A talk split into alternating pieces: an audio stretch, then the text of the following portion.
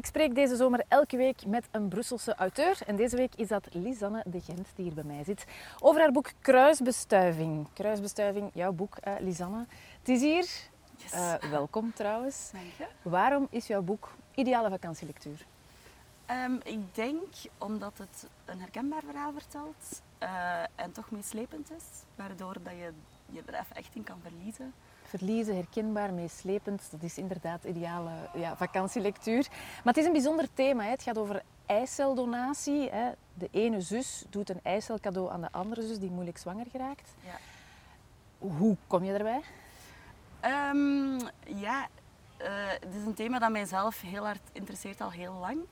Uh, maar specifiek de eiceldonatie is omdat uh, mijn zus heel moeilijk zwanger raakt. Ik heb drie zussen. Mijn oudste zus geraakte heel moeilijk zwanger. En toen heeft mijn mama eens half lachend geopperd van... Hé hey, Lisanne, jij lijkt daar toch heel hard op. Misschien moet je een eicel doneren. Ah ja. En dat ideetje van...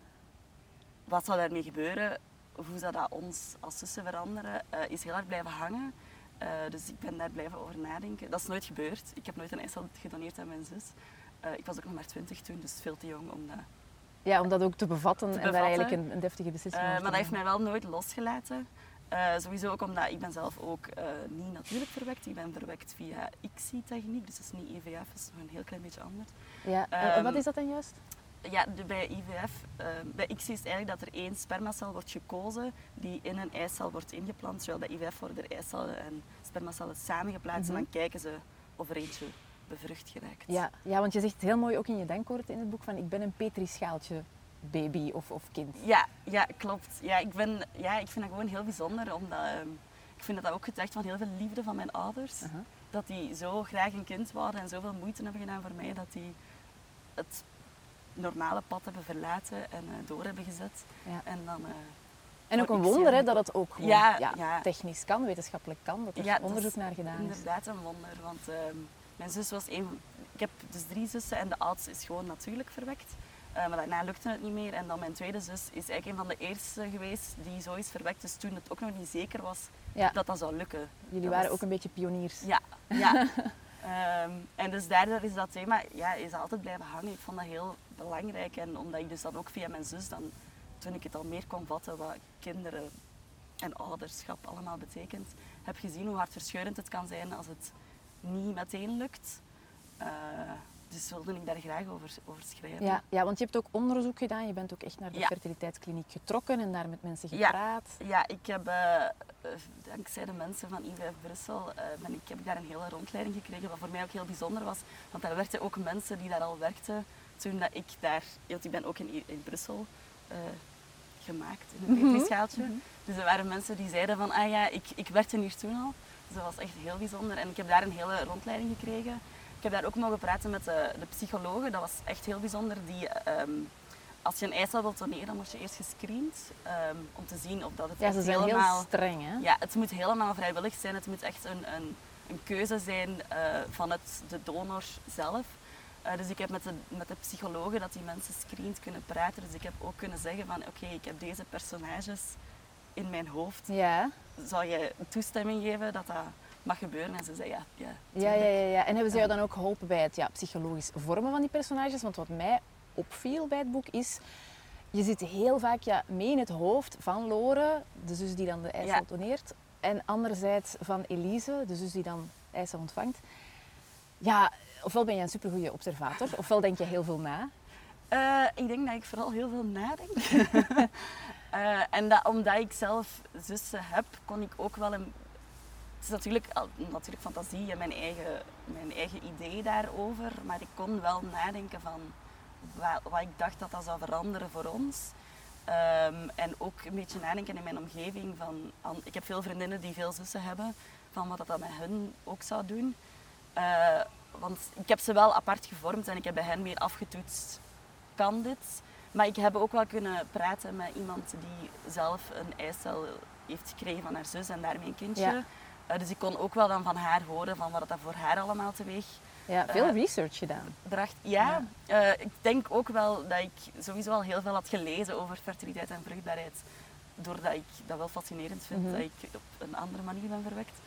Um, en dat ik het ook heel belangrijk vond dat het waarheidsgetrouw was. Ik zou Ja. niet willen dat ik schrijf over eiceldonatie en dat iemand dat leest en denkt, oh, Nee, dat, dat klopt dit helemaal klopt echt totaal niet. Ja. En wat is de reactie van jouw zussen? Hebben die het allemaal gelezen? Die hebben het allemaal gelezen en die vonden het echt heel mooi. Die waren heel eh, ontroerd ook, want ik heb het ook aan hen opgedragen. Ik heb ook een traantje gelaten. Ah, hoor. ja.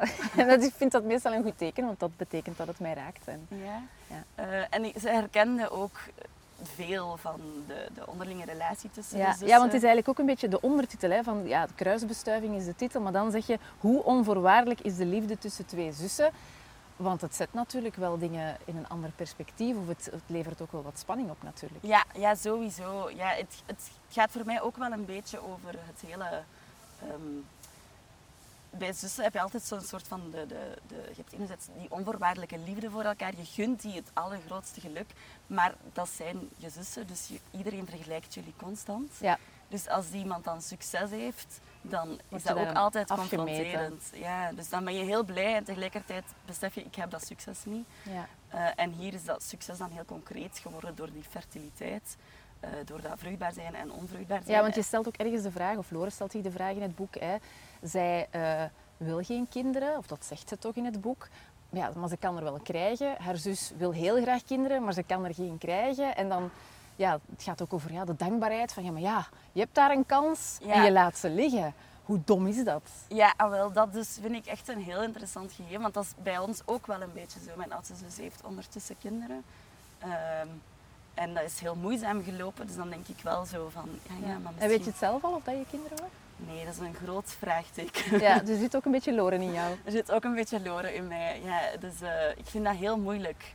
Ik vind het vooral heel moeilijk om het zeker te weten. Ja, kan je dat eigenlijk ooit zeker weten? Ja, Dat is ook de vraag. Want er hangt ook heel veel, want dat is ook een van de thema's in je boek. Hè. Enerzijds een beetje die liefde versus eh, rivaliteit tussen de zussen. Ehm, het gaat ook over volwassen worden en, en ja, de bijbehorende levensvragen. Van blijf ik bij die partner ja of nee? Waar ga ik wonen? Neem ik kinderen ja of nee? Ehm, zijn dat zaken waar jij ook allemaal mee worstelt? Ehm, ja, ik ben sowieso echt een heel grote piekeraar. Eh, dus ik ben voortdurend in twijfel of ik niet toch een ander pad Ja, zou er zijn ook opgaan. duizend en één opties mogelijk. Er zijn ook echt zo heel veel opties. Ehm, en eh, ik ben me er heel bewust van dat ik vaak het niet typische pad volg dan.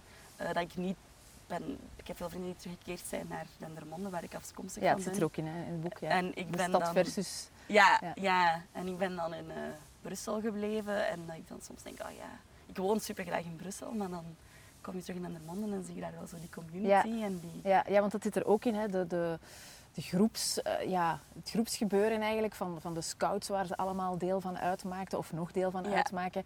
En ja, dat herken ik ook, want ik heb dan in de Giro gezeten.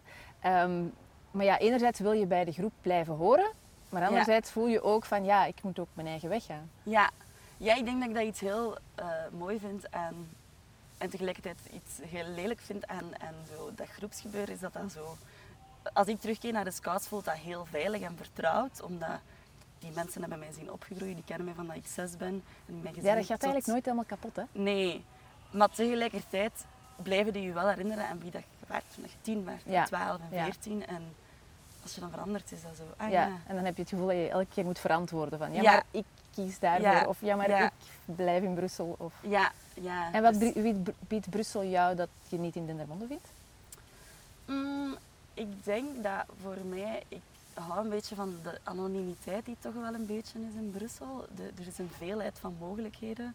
Ehm, Jee, nog meer opties. Ja. Maar dus daar hou ik wel echt van. van ik heb, in Brussel heb ik echt het gevoel dat je kan zijn wie dat je wil zijn en het maakt allemaal niet uit. Eh, terwijl in, in Dendermonde eh, ben je wel veel sneller dat je het volgt zoals... Ja, en daar is het eigenlijk misschien meer van huisje, tuintje, Ja. kindje uiteindelijk. ja, ja, wat ik, Of dat denken we toch, hè? Ja, Dat, ja, dat denken we.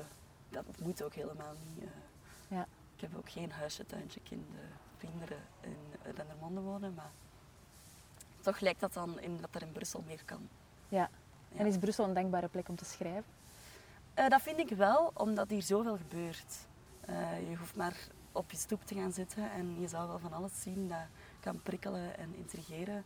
En ik hou ook wel van bedrijvigheid. Ehm, dus ik vind dat wel leuk om in de stad te kunnen wandelen en van alles te zien. En ligt er nog een, een ander boek in je petrischaaltje? Uh, momenteel nog niet. Ze, mijn eerste en mijn tweede boek zijn vrij kort op elkaar verschenen en nu heb ik even rust. rust. Uh, even nagenieten. Ah, wel, het is jou gegund. Dankjewel Lisanne om uh, langs te komen en dankjewel voor je boek ook. Kruisbestuiving. Voilà, ik ga het nog eens tonen.